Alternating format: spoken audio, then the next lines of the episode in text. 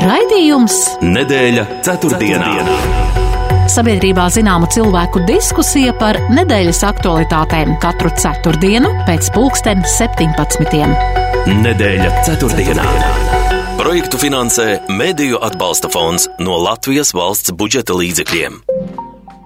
Sveicināti kurzemes radio klausītāji! Ceturtdienas darba laika izskaņā atkal tiekamies radījumā nedēļa ceturtdienā un atkal pārunāsim pēdējo dienu aktualitātes. Un karstākais laiks šobrīd, protams, ir hokeja faniem, un atkal Latvijas hokeisti spējuši pārsteigt ar spēli pret Čehijas komandu, sagādājot emociju pilnus mirkļus saviem faniem Rīgas arēnā, un, protams, arī vakardienas spēle pret Norvēģiju atkal bija tāds apbalvojums tiem, kas izvēlējās skatīties un sekot līdzi Latvijas komandas valdes eh, panākumiem. Politikā, protams, šobrīd viss par un ap valsts prezidenta amatu, arī veselības un izglītības jomas ir uzmanības centrā, nemitīgi atgādinot par nepieciešamo finansējumu turpmākajam darbam. Ukrainas prezidents Volodimirs Zelenskis pēdējās nedēļas laikā apmeklējis vairākas Eiropas valstis, iepazīstinot ar situāciju valstī, protams, arī um, nesot milzu pateicību no, no Ukrainas sabiedrības un arī aicinot, protams, uz turpmāku atbalstu, lai atbrīvotu Ukrainu no Krievijas okupantiem. CERTLV aicina nopietnāk attiekties pret kiberdraudiem visām organizācijām, lai arī Latvija kopumā esot šajā ziņā labā situācijā. Un vēl jārēķinās, ka valsts pakalpojumu saņemšanai pēc kāda laika vairs nevarēs identificēties ar tik pierasto internetbankas pieeju. Tas būs jādara ar e-parakstu, kas tādu īstu popularitāti sabiedrībā tomēr um, vēl tā kā nav atradis. Un vēl par kādām no tēmām šodien parunāsim plašāk, protams, kopā ar raidījuma viesiem, un tie ir Rīgas Stradiņa Universitātes lektore, politoloģe Lelde Metla Rozentāle. Labdien! Labdien! Un žurnālists TV24 ētera personība Kārlis Streips. Labdien! Labdien! Jā, vai zināt, ka šodien ir Startautiskā muzeja diena? Tāda tā ir. Un uh, aizvadīja, aizvadījuši esam nedēļas nogalē arī muzeja nakti, ko arī atzīmē tā kā startautiski. Un uh, vai jūs esat apmeklējuši kādu no muzeju sagatavotajiem pasākumiem un vispār kāda muzeja loma šodien ir digitālā laikmeta sabiedrībai, kā jūsu acīm skatoties to? Sākšu ar jums, Lelde. Jā, nu, jāsaka, ka es tiešām laikam biju, man bija paslīdējis garām, ka šodien ir muzeja diena, bet nu, tas ir brīnišķīgi. Es domāju, ka muzejiem ir bija, ir un būs vieta un loma neatkarīgi no tā, vai nāk digitālā pasaule pie mums iekšā vai, vai, vai nē.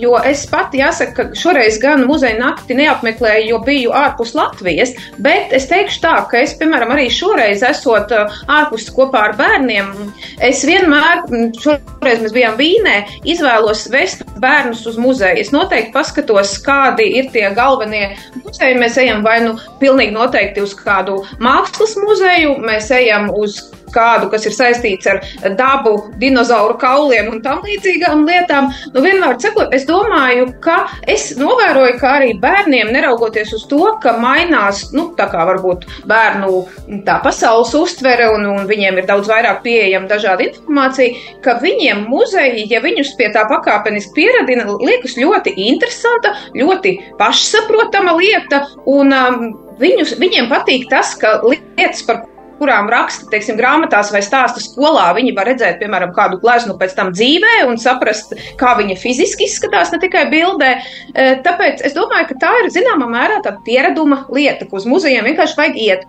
Un, ja pavisam īsi par muzeju nakti, tad es vienmēr, arī esot Latvijā, e, Izvēlos kādu muzeju, parasti nevis tos, kurus mēs parasti apmeklētu pa dienu, bet vai nu tas ir kaut kur reģionā, kāds maziņš, specifisks muzejs, e, e, uz kuru mēs varbūt neaizbrauktu parastā situācijā, bet e, šajā situācijā muzeja naktī mēs uz viņu aizbraucam. Un kā redzams, cilvēku interesi muzeja naktī palielinās par muzejiem. Līdz ar to, ja tādā veidā mēs varam, ka cilvēkiem labāk patīk iet pa nakti nekā pa dienu uz muzejiem, lūdzu, ejam pa nakti jo galvenais jau ir, lai mēs aizejam uz to muzeju un kaut, kaut nedaudz kaut kādu impulsu saņemam, ka muzejs nav kaut kas tāds briesmīgs, vecs un neinteresants, bet ka daudz muzeju mums šobrīd ir brīnišķīgi modernizēti ar QR kodiem, ar visu kaut ko. Nu, tā kā atliek tikai baudīt. Jā, Kārli, kā ir jums?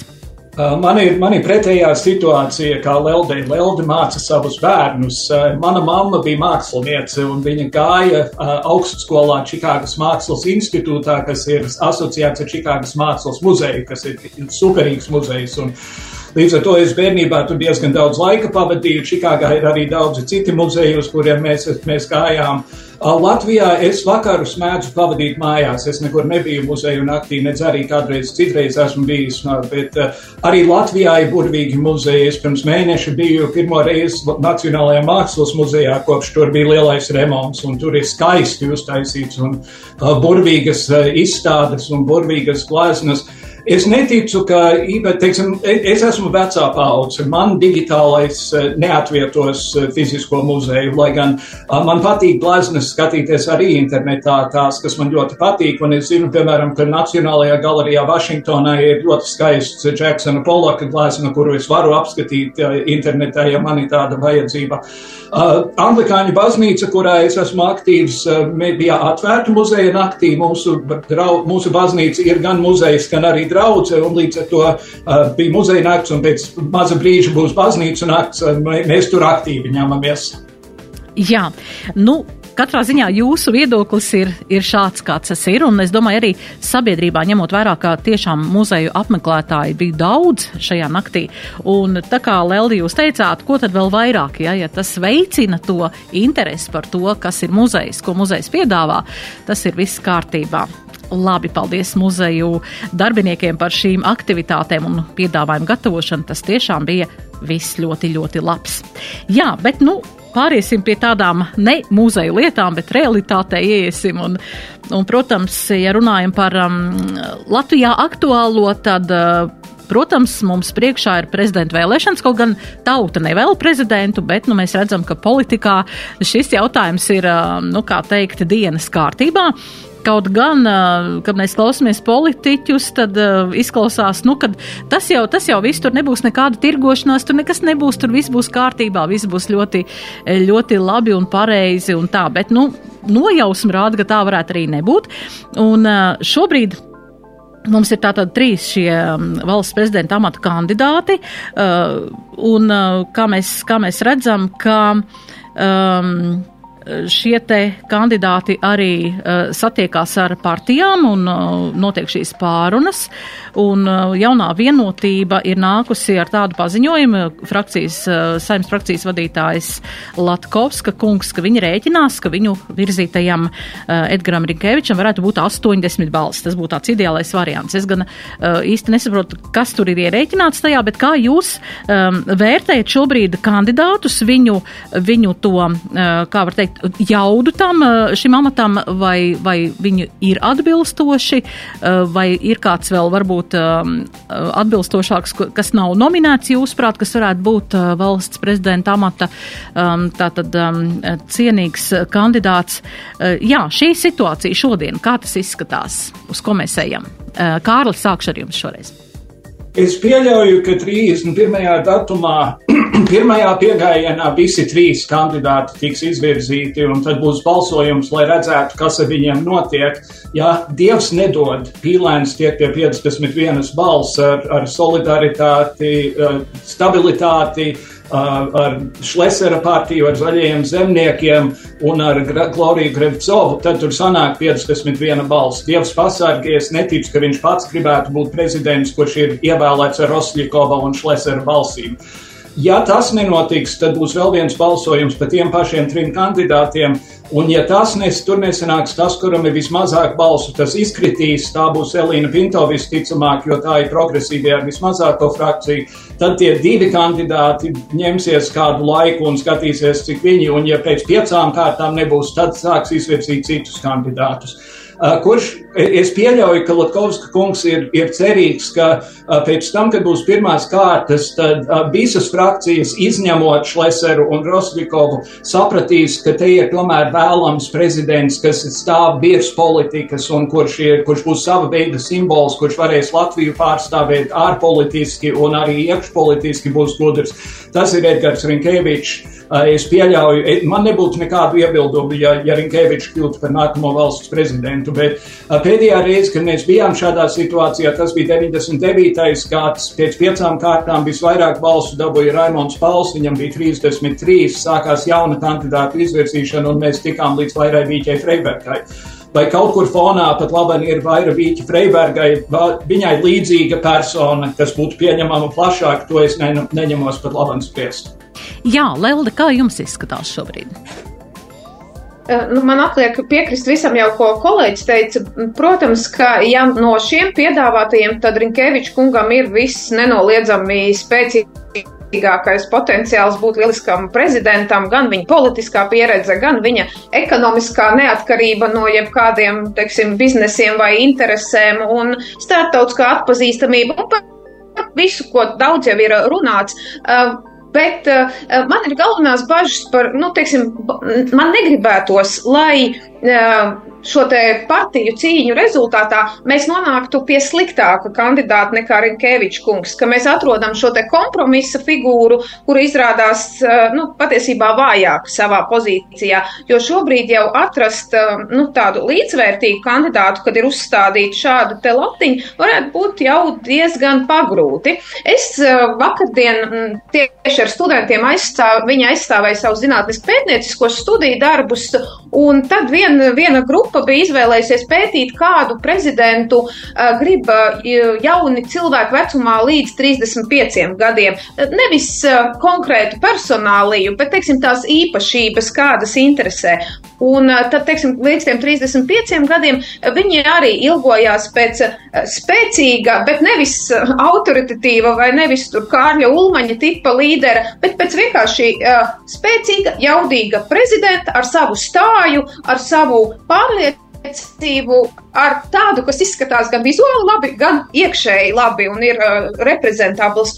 Un uh, šeit gan jāsaka, ka vairāk tomēr dominēja vīrišķīgās īpašības, jo tur tika pētīts no īpašību viedokļa, no feminismu teoriju un tā tālāk, ka vairāk tomēr sliecas uz vīrieti, neraugoties uz to, ka mēs sakam, ka jauni cilvēki grib sievieti, uh, bet tiek norādīts, ka empātija, jeb tas, ka cilvēks spēj sajust uh, kā līderis arī tos, kas uh, varbūt atrodas kaut kur citur, ne tikai viņa tiešākajā lokā, nu, tas arī būtu ļoti vēlams. Proti, lai tas līderis nav sevi iemīlējies uh, vadonis, bet gan, ka viņš ir cilvēks, kas spēj ne tikai uh, tātad, sevi un sev pietuvinātos saprast, bet saprast arī citas sabiedrības grupas. Jā, mēs aizies... es, ja es drīkstu vienu lietu piebilst, Jā. ka viena iespēja, manuprāt, ir, ja nesanāks nekas ar šiem trim kandidātiem un nāksies meklēt citus, tad varētu būt, ka viņi mēģinās pierunāt Egilu Levitu tomēr kandidēt vēl uz četriem gadiem, jo tā varētu būt valdošā koalīcija plus progresīvie, un viņš varētu tikt vēl pie četriem gadiem. Mums ir bijuši prezidenti tādi nekādi. Tas bija gan Bērziņš, gan arī Vējonis. Viņi neatstāja nekādas funkcijas. Mums ir Bairavīķa Freiberga un Egils Levits ir bijuši izcili internacionālisti, internacionālisti kā valsts prezidenti. Guntis Ulmanis principā uzbūvēja Latvijas valsts prezidentūru. Zatlers sāka vāji, atlaida saimu, līdz ar to sevi rehabilitēja. Es, es, es nebūtu pārsteigts, ja jau otrajā piegājienā arī tas varētu būt iespējams. Jā, mēs nu, aiziesim mazāk. Jāsaka, ka Jā. apvienotais saraksts, es maz ticu, ka viņi spēs, nu, tā kā pagriezties uz otru pusi, jo viņiem viens no tomēr tiem viņu dzirdziņiem, ja tā drīkst teikt, ir bijis stāsts par to, cik Levits ir slikts un kā viņi nekādā mērā viņu neredz kā prezidentu. Tāpēc nezinu, vai viņi spēs pārvarēt šo savu tādu, jā, līdzšinējo ierastu to taciņu un pavērsties citā virzienā. Jā, mums ir maza reklāma pauzīt, un mēs tūlīt turpināsim.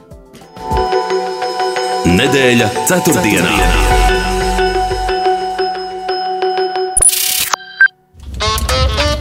Vēlies, lai tavās mājās vienmēr ir silti? Izvēlies Latvijā labāko apkuras veidu - moduļu kamīnkrāsni. Moduļu krāsnis.lv piedāvā kvalitāti par labu cenu, ātru un ērtu uzstādīšanu. No pasūtīšanas brīža krāsnes tiek uzstādīta desmit darba dienu laikā, kā arī nodrošina piecu gadu garantiju. Uzzini vairāk www.moduļukrāsnis.lv PTA, PTA, PTA. Mēs nesolām, mums ir. Gorieņie, Miele, Līpkers, Samsung, Panasonic, Philips, Electrolux, Kaiser, Hoover, Lasomilje, Virlupūl, Bosch. Labākie sadzīves tehnikas zīmoli par jums piemērotākajām cenām vienu vietu. Iesakām un konsultējam, pārdodam un piegādājam. Viss kā ierasts, tik priekš jums, jūs mums esat lolojums. PTA, Dabija 3A un www.pta.lv. Ienāciet un pārliecinieties! Nedēļa ceturtdienā. Nedēļa ceturtdienā un šodien raidījuma viesi Lelde Metla Rozentāle un Kārlis Streips runājam par valsts prezidenta amata kandidātiem. Bet tagad paskatīsimies no šīs puses. Jaunās vienotības ministra prezidents, jaunās vienotības valsts prezidents. Uh, šī te uh, politiskais spēks iegūst tādu milzīgu šo, šo varas kārti. Un piedāvām vēl arī, uh, varbūt varam pakomentēt ZZS lomu šajā visā uh, procesā, jo šur tur jau izskan, ka runājam, kad uh, ZZS ir ieguvēji gan pie viena, gan pie otra kandidāta nonākšanas uh, valsts prezidenta krēslā. Pakomentējiet, lūdzu, šo tīri no politiskās puses, Lelde. Nē, nu, jāsaka, pat nevar teikt, ka viņi tikai ieguvēja. Visiem ir skaidrs, kā jau arī viņu frakcijas vadītājs teica, ka šobrīd uh, viņu matemātiski tās viņu balsis ir tās, kuras varētu vienam vai otram palīdzēt uh, kļūt par prezidentu. Un līdz ar to, protams, ka viņi šobrīd mēģina saprast, jo mēs dažkārt par politiku runājam pārāk tādā idealizētā formā. Viņi politika jau ir, nevajag teikt, ka tirgus, bet nu, tas ir tāds savstarpējais darījums. Un, protams, jautājums ir par tām morālētiskajām robežām, ar ko mēs to darījumu slēdzam un ar ko mēs viņu neslēdzam. Un šobrīd ZZS, protams, ka mēģina iespējams slēgt to darījumu uz abām pusēm, ja noskaidrot, kur tas darījums būs izdevīgāks. No vienas puses var teikt, ka, protams, Pīlēna kungs viņiem un, apvienotais saraksts nav tas labākais draugs, jo, nu, gal beigās apvienotais saraksts sašķēla ZZS, bet, lai gan redzam, ka vēlēšanās ZZS tāpat guva pietiekam lielu atbalstu, Un tieši tāpat, atkal, ja mēs skatāmies uz otru pusi, mēs zinām, ka ir šīs te, no vienas puses sarkanās līnijas, kas ir vienmēr vilktas pirms un pēc vēlēšana procesā pret ZZS, ja konkrēti Lemberga kungu, bet vienmēr jau var teikt, ka jautājums ir par, kur ir lielāks risks, proti vai varbūt ievēlēt prezidentu ar Rosļikovu balsīm vai samierināties ar ZZS atbalstu. Nu, šeit, šeit, protams, tie, tie svaru kausi var dažādi nosvērties. Tāpēc, nu jā, ZZS paši apzinās savu lielo lomu šajā procesā un mēģina atrast lielāko izdevīgumu no tā visa. Jā, bet politiski šīs abas uh, augstākās valsts amatpersonas vienas partijas biedri. Es, es negribētu teikt, ka tas ir īpaši svarīgi, jo, jo bija vienlaikus Vejonis un Kučinskis. Un valsts prezidents ir apolitisks. Tajā brīdī, kad viņš kļūst par prezidentu, viņš, ja viņš ir bijis partijas biedrs, viņš no tā atsakās. Ulmanis nāca caur Latvijas ceļu, viņš momentā to nolika. Uh, un līdz ar to tas nav, tas nav īpaši rādītājs. Um, ja būs pīlēns, tad uh, tas būtu jautājums par prezidentu un saimas priekšsēdētāju. Pīlēns arī noliktu savu partijisko piedarību tādā gadījumā. Uh, tas, ir, tas ir vairāk tāds politisks uh, strīdus jautājums. Zaļiem zemniekiem tā problēma ir, ir, ir tagad bijuši jau vairāk nekā desmit gadi, kopš es aprakstīju viņu attiecības ar notiesāto noziedznieku nesmukā vārdā Latvijas televīzijā un līdz ar to beidzās raidījums skats no malas. Viņi vēl joprojām nav varējuši tikt vaļā no šīs aizraušanās, šīs, šīs Stokholmas sindroma ar šo tagad nu, jau smagos noziegumos notiesāto cilvēku. Vēlēšana naktī Brīsmanis Latvijas televīzijā varēja vien blēt, nu viņš ir tik populārs, viņš ir tik populārs, viņš ir tik populārs, it kā tas būtu rādītājs. Un es ceru, ka tas tā ir sarkanā līnija, kur, no kuras jaunā vienotība neatteiksies.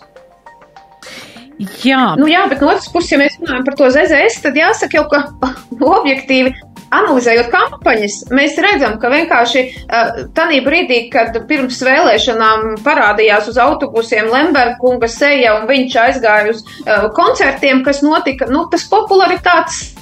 Uh, Kāpums atkal bija milzīgs. Protams, ka tas ir jautājums par mūsu pašu sabiedrību un to, nu, kāds ir tas mūsu politiskās kultūras, vai izpratnes, vai kompetences līmenis. Un tāpēc, tad, kad jautā, kādu prezidentu mēs esam pelnījuši, tad es vienmēr tā domāju, nu, Nu, tā, tas ir tāds uh, interesants jautājums, jo paskatāmies, par ko balsojam vēlēšanās, kā vispār ejam uz vēlēšanām, kā vispār ar mūsu pilsonisko un politisko aktivitāti. Nu, tad tādu prezidentu arī būsim nopelnījuši, vai ne? Nē, nē, bet ja nopietni, nu, tad, protams, ka cerams, ka nevienam no uh, nu, tādiem ne, ne, ne, negodīgiem vai necaurspīdīgiem vai kaut kādiem citiem politiskiem un ekonomiskiem grupējumiem neizdosies kompromitēt prezidenta tēlu un iegūt prezidentu, kuru jau sākotnēji apdeveši kaut kādu šaubu ēnu.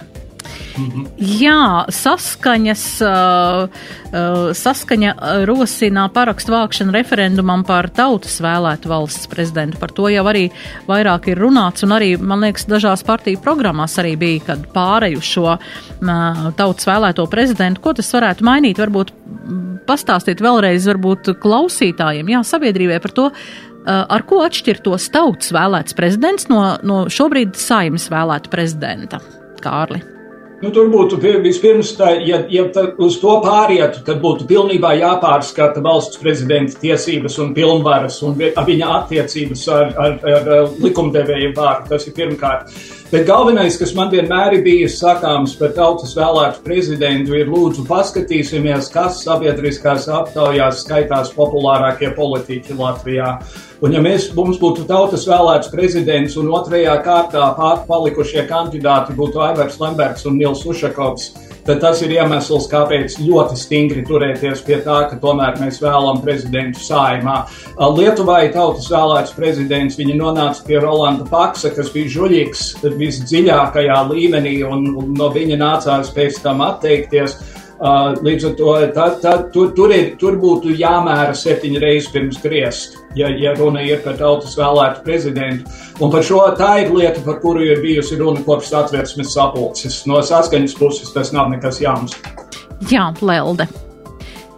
Nu, jā, es arī gribu, es vienmēr cilvēkiem saku, pirmkārt, ka jāsaprot, ka jūs nevarēsiet balsot par jebkuru godīgu cilvēku, ko jūs pazīstat savā sabiedrībā, savā lokā kā tur partijas tāpat šos prezidenta kandidātus, nu, ja kaut kādā viņi tiks iz, būs zināma liste, būs daži cilvēki, no kuriem jums būs jāizvēlas. Un tad sekos tieši tāda pati kampaņa kā pirms vēlēšanām parlamentā, kur katrs nu, kandidāts mēģinās sevi labākajā veidā pārdot. Un tas risks, ka mēs varam noticēt un ar uh, efektīvu kampaņu par prezidentu var nokļūt cilvēks, kuram nav nemaz tie tīrāk, kristāli tīrākie. Um, Kristāli tīrākā sirdsapziņa, uh, nu, Līdz ar to tas ir ļoti liels risks. Un tāpēc domāt, ka mēs pēkšņi nobalsosim par kādu absolūtu mesiju, kurš uzrādīsies ne no kurienes un, un tagad glābs tautu no, no, no, no visām problēmām, tā ir tāda utopija, ko partijas pārdod savā priekšvēlēšana arī kampaņā. Un uh, mēģina tādā veidā arī cilvēkus tā kā bišķiņi tracināt. Tāpēc, nu, Jā, tā ir, tie, tā ir, tie ir solījumi, kas izskan jau tiešām kopš um, neatkarības uh, atjaunošanas 90. gados, un, un tāpēc es domāju, ka tur ir ļoti liela riska šajā procesā. Jā, bet ziniet, tā parunājot ar, ar, ar cilvēkiem, arī vienkārši ar cilvēkiem, kas seko līdzi politikai un kas ir arī šajos procesos uh, zinoši. Uh, Um, ir arī tāds jautājums, ja simts cilvēku šo, šo, šo prezidentu tā kā ievēlu, kāpēc tik ļoti bailes ir par to, ka tur varētu būt, piemēram, arī balss no, ko, no opozīcijas, kas ir, nu, piemēram, vai tā ir stabilitāte vai progresīvie vai, vai Latvija pirmajā vietā, jo tie ir simts cilvēki un um, arī tie ir ievēlēti no sabiedrības, no tautas, lai viņi saimā pārstāvētu sabiedrības daļu kāpēc tik ļoti ir jābaidās, ka tās balss ir netīrākas par tām balsīm, jo mm, tā viss ir mūsu likumdevēju pulciņš. Tāpēc, ka viņas ir netīrākas. Stabilitāte ir partija, kura balsoja pret valsts aizsardzības dienestu. Stabilitāte balsoja pret Krievijas nosodīšanu par to, ko tā dara uh, Ukrainā.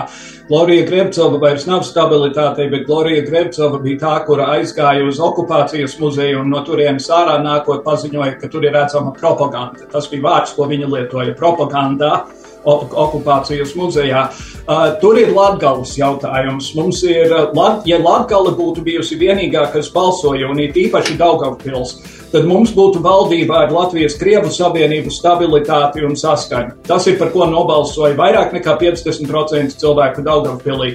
Tur ir ļoti plašs jautājums par to, kur, kāpēc Latvija ir atstājusi latgali tādā pašplūsmā, ka tā kaut kas var veidoties. Bet tie simts cilvēki, nu tagad vismaz to prezidentu vēl atklāti un atklātā, nosacīti atklātā balsojumā, kamēr tas viss notika pa kaktiem. Tas ir kā mēs nonācām līdz Zatleram. Zatleru uh, Kalvīša valdība izvilka pilnīgi no atvilknes un no, no, no piedurknes un teica, lūk, kandidāts un viņu ievēlēja bez jebkāda jautājuma pirmajā uh, piegājienā un viņa pirmā, pirmie vārdi no viņa mutes bija es esmu, jā, kas es esmu attiecībā uz valsts prezidentu. Kā es teicu, viņš sevi rehabilitēja komitejā rīkojumu numur viens, un, bet uh, sākums arī viņam nebija daudz sološs. Jā, Lelde, kā jūs arī no savas puses šo kā politologs skaidro? Uh, nē, nu, kā jau es jāatgriežas pie tā, ko es jau minēju, ka mm -hmm. uh, Tad, kad viena partija balso par kādas citas partijas virzītu kandidātu vai atbalsta kādu viņas lēmumu, tad tas ir kaut, kaut kāds savstarpējs darījums.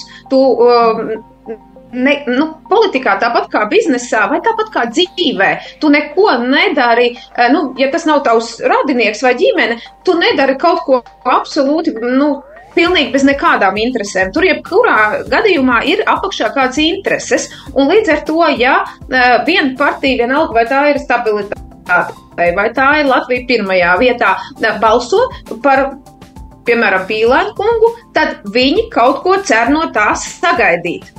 Un, ja to cer partija, kura ir nu, teiksim, ideoloģiski mums pieņemama, tad mēs sakām, ok, nu, lai tur ir tas darījums, jo nu, tas ir starp mums pieņemamiem partneriem. Bet, ja kāds no šajā darījumā iesaistītiem ir nu, teiksim, cilvēks vai partija, eh, kuru mēs zinām, ka tās viņu intereses nav tās pašas mūsu intereses un Latvijas intereses, kā nacionālas valsts intereses, tad mēs saprotam, ka, nu kā, nu tad kāds būs tas darījums? Nu, tas darījums būs acīm redzot kaut kādā mērā pret uh, mūsu interesēm. Un tāpēc, nu, tur tur ir jābūt tai uzmanībai un piesardzībai. Un kāpēc mēs nu, tā nevaram teikt, ka visas simts balsis saimā ir vienādas? Jo tad jau arī koalīcijas veidošana vispār, tad, kad valdību veido, patiesībā nebūtu vajadzīga. Tad jau varētu tādu vienu lielu, draudzīgu, simts cilvēku uh, nu, valdību izveidot, kur visa, visiem visi, visi, visi kopā, visi vienā virzienā skatās un tā tālāk. Nu, tā, tā tas politikā, tā tas vienkārši nenotiek un nav. Jā. Bet tas ir arī atkarīgs ne tikai no saimas frakcijām, bet arī no tā, kas ir prezidents. Attiecībā uz Zatleru Kalvīšu valdību atklātā tekstā teica, ka tas būs cilvēks, ko viņi varēs kontrolēt un tā tālāk un tā joprojām. Tad, kad Vaira Vīķa Freiberga kandidēja uz otru uh, termiņu amatā iepriekšējās saimas vēlēšanās, partijas nevarēja vien nozvērēties viena, kura būs lielākā Vairas Vīķas atbalstītāja. Viņa uz otro gājienu saņēma vairāk balsu nekā jebkurš cilvēks ir saņēmis atjaunotajā Latvijā un, un tikai par dažām balsīm mazāk nekā Jānis Čakste dabūja pirmajā reizē, kad viņš kandidēja uz valsts prezidentu. Tas arī ir atkarīgs no tā, kas ir kandidāts.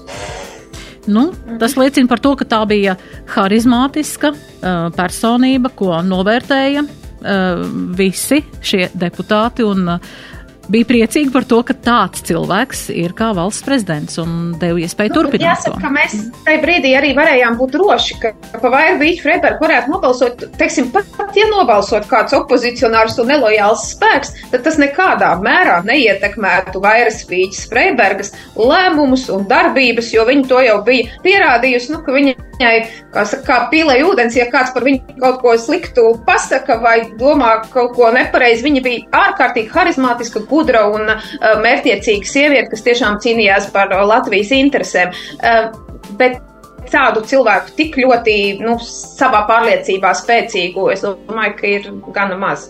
Jā, un turklāt Vairvīķa Freiberga novērtēja ne tikai iekšzemē, Vairvīķa Freiberga novērtēja ārpolitiski. Ārpolitikā viņa bija liela balss NATO un, un Eiropas Savienībā kādu laiku runāja par to, ka viņa varētu kļūt par, NATO, par apvienoto nāciju organizācijas ģenerālsekretāru. Tur ķe, Krievija uzlika ķepu, protams, bet tā bija ārpus kārtas, principā, valsts prezidenta. Jā, un tas pierāda to, jā, ka arī šīs opozīcijas balsis tomēr, nu, tā kā bija savā vietā un neietekmēja, eh, un nekāda aizdoma ēna nebija par to, kāpēc viņi balso par prezidentu Vairvīķu Freibergu. Mums atkal ir maz reklāmas pauzīt, un tad mēs pāriesim pie citiem jautājumiem. Sabiedrībā zināma cilvēku diskusija par nedēļas aktualitātēm. Nedēļa ceturtdienā. ceturtdienā. Nepalaid garām dubultos ieguvumus. Visu māja mēnesi iepērcies liepājas Rīgā veikalos par kopējo summu vismaz 80 eiro un saņem atpakaļ 2% mans Rīgā naudu jūnijā. Uzzini vairāk liepājas Rīgā veikalos. Werners DE sadzīves tehnika ērtākai ikdienai tagad vienviet jaunajā e-veikalā BDE.CLV. Ātri un ērti izvēlies sev piemērotāko sadzīves tehniku Jā, tik vienkārši tas ir. Sadzīves tehnika pāris klikšķu attālumā.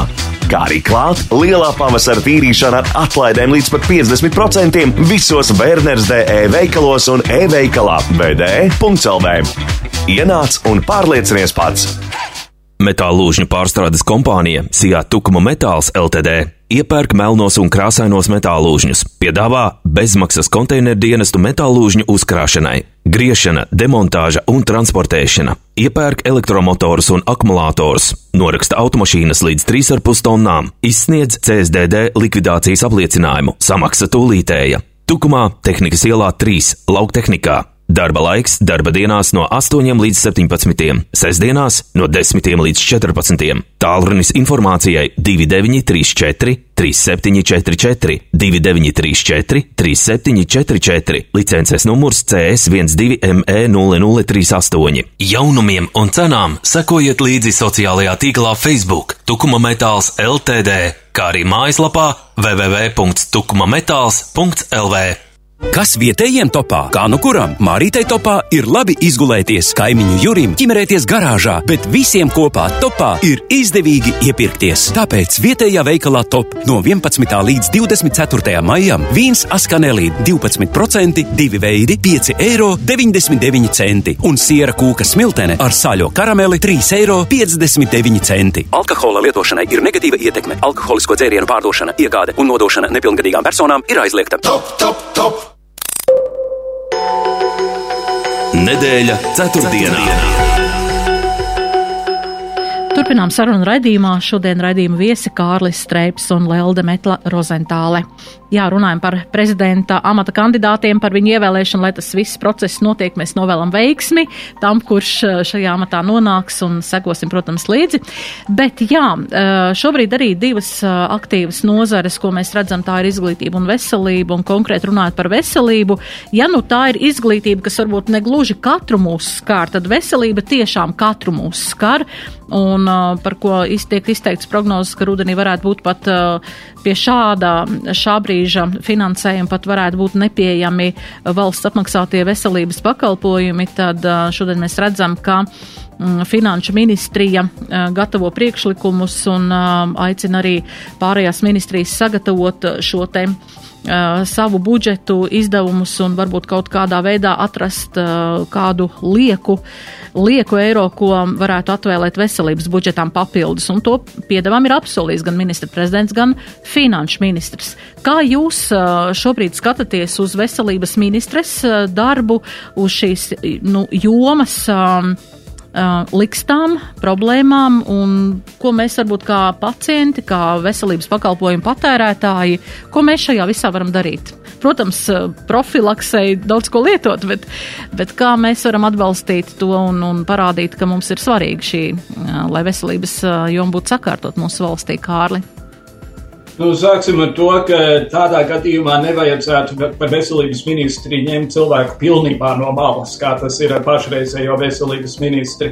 Šī ir saruna, kas bija 90. gadā, 95. gadā, 2000., 2005., 2010. Fakts ir vienkārši tāds, ka mēs esam valsts, kurai ir nospiedoši liels vairākums pensionāru un gados vecu cilvēku, un kuri paņem ne, ne, nesamērojam daudz no resursu no veselības aprūpas un ir tā sabiedrības daļa, kur ir vismazāk spējīga apmaksāt to, kas viņiem ir vajadzīgs. Tā ir, tā ir endēmiska, sistēmiska problēma, kur, no, kur mainīsies tad, kad būs drusku paudžu nomaiņa bijusi. Bet, uh, attiecībā uz izglītības uh, sektoru konkrēti, uh, tā ir. Tā, Es atceros, ka pagājušajā gadā decembrī viņi bija, pagājušajā gadā rudenī viņi bija norunājuši ļoti precīzu sarunu par to, kā tiks finansēta izglītības nozare nākamajā gadā. Un tad bija saimas vēlēšanas, un tad stājās, stājās amatā jauna valdība, un tad bija streiks. Tas nav nopietni. Ja valdība ir kaut ko apsolījusi izglītības nozarei, tad tikai tāpēc, ka ir vēlēšanas un koalīcija ir mazliet mainījusies, teikt, nē, tas ir, tas ir garām, tas ir absolūti garām. Un šīs abas ir nozares, kurās ir bijušas problēmas kopš laika gala, kaut vai tajā apstākļā, ka joprojām Latvijā ir skolotājas, kuras neprot latviešu valodu, kas ir, ir vienkārši vārdu trūkst. Ja? Kas tur, ir, kas tur ir recepte, to es nezinu, bet veselības ministra amats vienmēr ir bijis visgrūtākais amats Latvijas ministru kabinetā. Un tur ir bijuši dažādi, tā skaitā ļoti dīvaini cilvēki, atceramies Jāni Riteni. Jā, Lelija. Man arī jāsaka, ka es varbūt nebūšu tik populāra tādā mm, savā viedoklī, bet man liekas, ka ministrs um, nedrīkst ciest līdzi nozarei. Ministrs ir tas, kurš veido šo tiltiņu starp savu nozari, ko viņš pārstāv, un starp nu, ministru kabinetu, ministru prezidentu, vispār politisko eliti.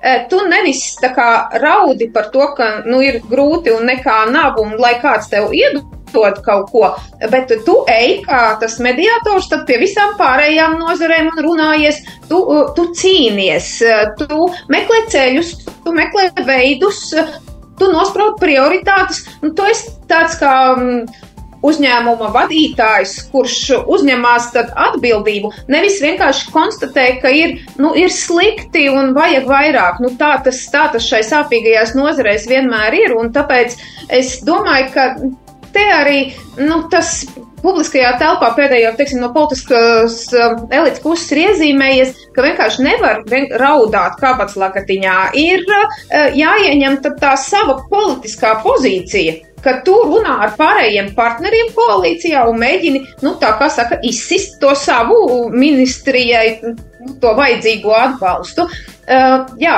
tā, tā es to redzētu. Uh, un uh, līdz ar to es, es, es teiktu, ka, un, protams, ka veselības ministrei ir grūti šajā brīdī dēļ tā, ka viņi ir arī, nu, zināmā mērā, tā kā mēs zinām, bez, nevis zināmā mērā, bet viņi ir bezparteiski, viņi īsti no vienas puses ir politiskā spēka virzīta, un otrs puses ir bez partijas konkrēts aizmugures, tāpēc viņai nav arī kur aiziet. Un, nu, tā kā konkrēti tās sarunas laikam ar ko vest, tāda sajūta brīžam rodās, un tad viņi tā kā tāds, nu, Nabadzīgs tur viena pati kuļās pa vidu visā tajā, un tad viņu kāds nobar, un tad, tad kāds atkal bišķiņu paslavē, un ko, bet īsti nekāda tāda, nu, spēcīga aizmugure viņai nav. Un līdz ar to vienmēr tā ir ar tiem bezparteiskajiem ministriem, ka no vienas puses tu esi brīnišķīgi neitrāls un spēj paskatīties bez partijas saistībām uz lietu, bet tad, kad tev vajag kādu stingru atbalstošo plecu, tad mēs redzam, ka izglītības ministrē vienotība ir tas plecs. Veselības ministrē tā pleca līdz galam tāda skaidra nav. Uh, jā, tāds mans komentārs. Jā. Ja mēs runājam par stingro plecu un, un par šo te aizmuguri, tad es gribētu pāriet tomēr uz tādu nākamo tematu, jo mums ir diemžēl palikušas pēdējās minūtes, piecas līdz raidījuma beigām. Uh, Ukraina un viņa prezidents uh, Volodimirs Zelenskis. Mēs zinām, ka šajās pēdējās dienās viņš ir bijis vairākos valstu vizītēs, un kā es ieraugu, ka viņa šī te misija vairs nav tikai prezidents Ukrainai, bet uh, visas uh, Eiropas tāds um, saliedētājs, valstu saliedētājs, un kas tagad notiek šī te arī mm, Francija, Nīderlandi jāicina šajā uh, koalīcijā, kur uh, lidmašīnas, šīs kara lidmašīnas uh, sagādāt un šo te noklāt šo te, kas vajadzīgs ir tieši gaisa aizsardzībai. Jūsu vērtējums uh, prezidenta drosmīgajām, jāsaka, joprojām drosmīgajām vizītēm uz ārvalstīm un, um, un viņa loma šodien, kad jau ir jau pusotras gads, jau ir, nu, gan gandrīz jau pusotrs gads karš Ukrainā. Kā vērtēt šo, varbūt uz tādas patriotiskās nocerot šīs pēdējās minūtes, Lelde? Jāsaka jau, ka tā kā iet laiks, un cilvēkiem ar karu no vienas puses mēs sadzīvojam, mēs viņu pieņemam, no otras puses mēs, mums paliek grūtas dažādas nērtības, pat ne cilvēciskā līmenī, bet politiskās elites līmenī. Būsim godīgi, kas notiek Polijā. Viņi vairs nemaz nav tik ļoti viennozīmīgi atbalstoši, nu tā pilnīgi atbalstoši, un arī citās valstīs, arī kaut vai Amerikā mēs arī politiskajā vai ne līmenī dzirdam dažādus viedokļus aizvien vairāk. Un, protams, ka līdz ar to Zelenska kungam ir nu, tā misija lielā uzturēt un pārliecināt, ka tomēr, nu, neraugoties uz to, ka uh, laiks iet un karš nebeidzās, mēs nedrīkstam zaudēt to savu spēku viņus atbalstīt. Un mēs nedrīkstam um, nu, palikt uh, tā kā atkal um, vairāk uz savām interesēm vērsti, uz, uz savu tādu ērtu dzīvi vērsti. Un tāpēc viņš, protams, saprot, ka viņam ir jāturpina šī te, un vēl vairāk varbūt jāizvērš šī te braukšana pa pasauli, atgādinot, motivējot un sakot, ka, nu, hei, nu, nedrīkst mūs aizmirst, mēs, mēs vieni paši tur nevaram izdzīvot. Un, nu, to viņš arī dara, kā, kā absolūti harizmātisks un uh, brīnišķīgs līderis šobrīd. Jā, Kārli. Jā, es absolūti mīlu Volodimiru Zelenski. Viņš ir eh, neticams cilvēks, un es te gribu teikt divas lietas. Pirmkārt, elitei ir jāsaprot, ka Ukrainai ir jādod visi ieroči ātrāk un lielākā daudzumā un vairāk, jo kaut kādā brīdī Krievijā būs jānotiek sacelšanai, kur uh, viņiem ir simt tūkstoši cilvēku gājuši bojā, ir mamām jāsāk teikt pietiek, sūtīt viņus kā lielgabalu gaļu. Bet otra lieta, ko es gribu teikt, ir, ka man ir, man ir aizdomas, ka Zelenskis sāk ticēt, ka ko līdz tas karš būs beidzies, tā nākamajā dienā Ukraina kļūs par Eiropas Savienības un NATO dalību valsti. Un, uh, varam atcerēties, kas Ukraina bija pirms sākās šis konflikts. Viņa bija dziļi korumpēta valsts ar ļoti, ļoti, ļoti dziļām problēmām. Un es neticu, ka reiz, kas karš būs beidzies, Brisele teiks, ok, atvērs rokas un teiks, nāciet pulciņā. Tur būs vajadzīga garāka saruna, bet Zeļenskis ir pareizais cilvēks, kuram šīs sarunas vajag vadīt. Jā, kad es skatos arī uz šīm vizītēm, tas ir pietiekami drosmīgas braukt ārpus, ārpus Ukrainas, zinot, ka ir ļoti daudz cilvēku, kas arī tajās pašās valstīs, tomēr tajā pašā Vācijā, nu, nevis ir viennozīmīgi noskaņoti par labu Ukrainai, īpaši mēs zinām, Austrumvācija tāda ir. Tad, nu jā, skatoties uz visu to, man šķiet, tomēr, ja, ja kāds viņam būtu teicis, stājoties prezidenta amatā, ka viņam kādreiz būs šāda misija, tas ir vienkārši, nezinu, kā viņš to būtu uztvēris, bet um, laiks rūda šo cilvēku, un tā tiešām ir personība, kas ir Eiropā, nu, šķiet, arī līdzīgas nav šajā brīdī. Slava Ukraīnī! Jā, tieši tā, Kārli. Slava Ukraini, jā. Nu, ko, mēs uh, esam pietuvušies raidījuma pēdējai minūtei, un es tikai gribu atgādināt, ka ir sākusies arī šajā nedēļā peldu sezona, par ko man gribējās arī šodien parunāt, bet uh, es tikai aicināšu klausītājus un uh, par to, ka labāk izvēlēties oficiālās peldu vietas, un lai ir droši un, un viss ir kārtībā, un kur gan ūdens pārbaudīts, gan arī mm, dažādos gadījumos ir iespējas izglābties. Un, um, un katrā ziņā mēs būsim uh, daudz drošāk un, un kvalitatīvāk atpūtušies šādās peldvietās. Šodien raidījuma viesi bija Rīgas Stradiņu lekto, universitātes lektore, politoloģa Lelde Metla Rozentāli. Paldies, Lelde! Paldies, Liels! Un žurnālists TV24 ēterā personība Kārlis Streips. Paldies, Kārli! Vienmēr laipni! Raidījuma producente bija Anna Andersone, pie skaņu pults mana kolēģe Adelīna Anna Ziemele. Un raidījuma vadies Daci Blūma un uz tikšanos turpmāk un novēlu visiem un arī jums viesi, uh, lai saulaina atlikusī nedēļa un arī brīvdienas un uz tikšanos turpmāk. Raidījums Nedēļa ceturtdienā. ceturtdienā. Sabiedrībā zināma cilvēku diskusija par nedēļas aktualitātēm katru ceturtdienu pēc pulksten 17. Nedēļa ceturtdienā. ceturtdienā. Projektu finansē Mēdīju atbalsta fonds no Latvijas valsts budžeta līdzekļiem.